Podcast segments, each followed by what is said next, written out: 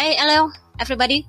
Ketemu lagi di podcast kita akan bahas soal jurun rakor. Kalau kalian baca di komen postingan terakhir Mbak Yu dan di story Mbak Yu, kalian pasti tahu bahwa Mbak Yu bilang kita akan podcast singkat soal ini.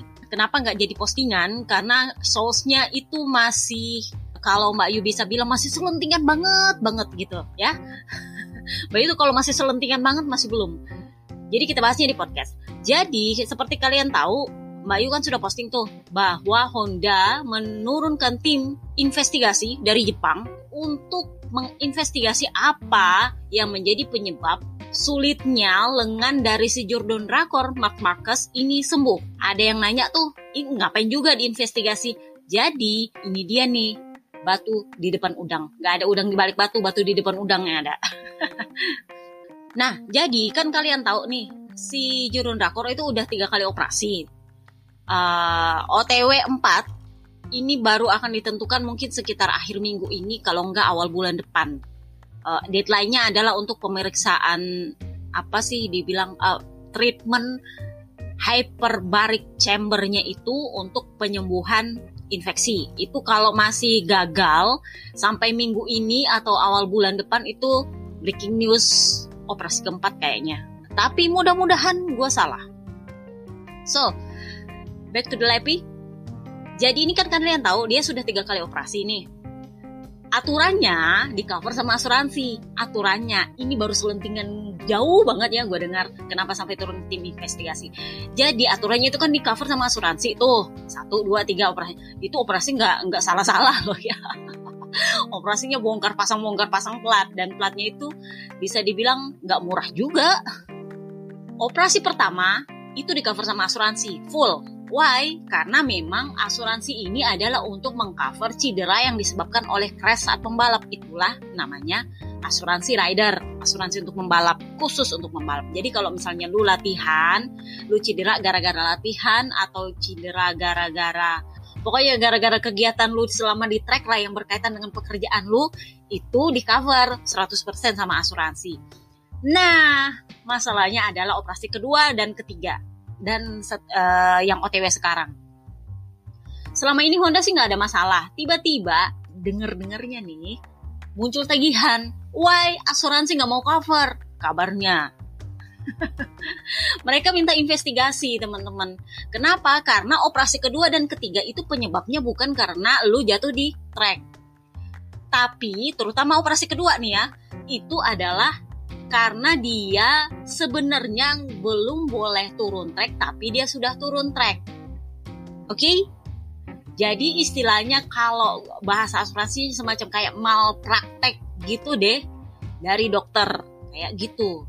Jadi mereka mau tahu ini penyebab pecahnya plat di operasi kedua ini sumbernya adalah operasi kedua teman-teman penyebab pecahnya plat di operasi kedua itu apa? Apakah karena dia turun trek?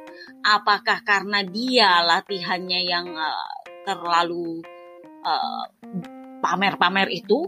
Atau apa? Karena itulah awal mula dari operasi ketiga dan OTW operasi keempat ini. Dan itu asuransi mikir-mikir mau bayar. Kenapa? Karena in fact lu operasi bukan karena lu jatuh di trek. Lu operasi bukan karena lu melakukan pekerjaan lu, tapi karena lu mestinya istirahat lu malah ngeyel turun trek kayak gitu. Itu sih yang bikin tim investigasi katanya turun buat memeriksa. Mulai dari dokter Mir yang memerik, uh, yang memberikan operasi pertama. Katanya sih dia juga yang ngasih izin buat turun trek sampai ke uh, operasi terakhir ini. Uh, penyebab kenapa sampai dia infeksi. Itu kan operasi ketiga karena dia infeksi di operasi kedua. Nah siapa yang operasi kedua? Itu lagi. Kenapa? Karena semestinya dia operasi kedua udah clear dong ya. Karena kan operasi pertama nah praktek nih. Terus operasi kedua kan mestinya sudah nggak ada apa-apa lagi ternyata ada infeksi. Nah infeksi itu lagi yang diinvestigasi kenapa bisa infeksi? Sampai lahirlah ini operasi ketiga. Nah operasi ketiga ini ternyata masih infeksi. Ini kalau belum kelar-kelar operasi ketupat lagi. Jadi asuransi mikir-mikir ini biayanya banyak. Sebenarnya sih nggak banyak-banyak amat. Kalau mau dibandingkan dengan nilai kontraknya yang 15 juta euro ya di korting-korting kabarnya sih di korting karena dia kebanyakan di sofa. Itulah kenapa dia kebanyakan sekarang promo karena istilahnya buat balancing dengan nilai kontrak dia. Kita lihat aja apa keputusannya. Uh, yang jelas Honda puyeng karena emang tagihannya itu nggak sedikit itu tiga kali operasi. Oke operasi pertama itu di cover sama asuransi tapi yang kedua ketiga uh, lumayan banyak karena itu ganti platnya dua kali plus uh, transplant di operasi ketiga itu transplant dari lutut sama dari panggul bukan pinggul panggul kemudian di treatmentnya yang sekarang itu adalah hyperbaric chamber uh, itu juga biaya. Nggak tahu lagi nanti kalau operasi keempat. Nah ini operasi keempat ini ah, kayaknya Honda mikir-mikir nih.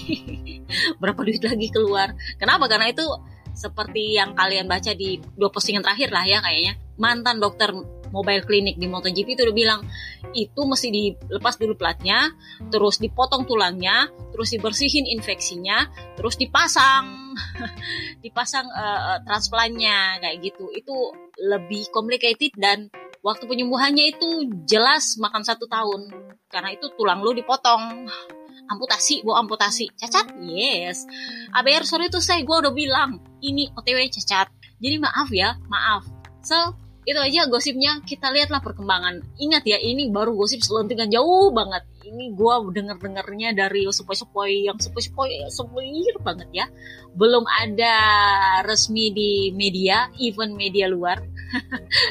Jadi itulah kenapa gue bahasnya di podcast. Soalnya kalau dibahas di uh, postingan biasanya itu memancing media luar buat ngulik lagi. Dan gue tahu itu jadi masalah lagi ntar. Kita lihat aja lah ya. Oke okay, see you next time guys. Bye bye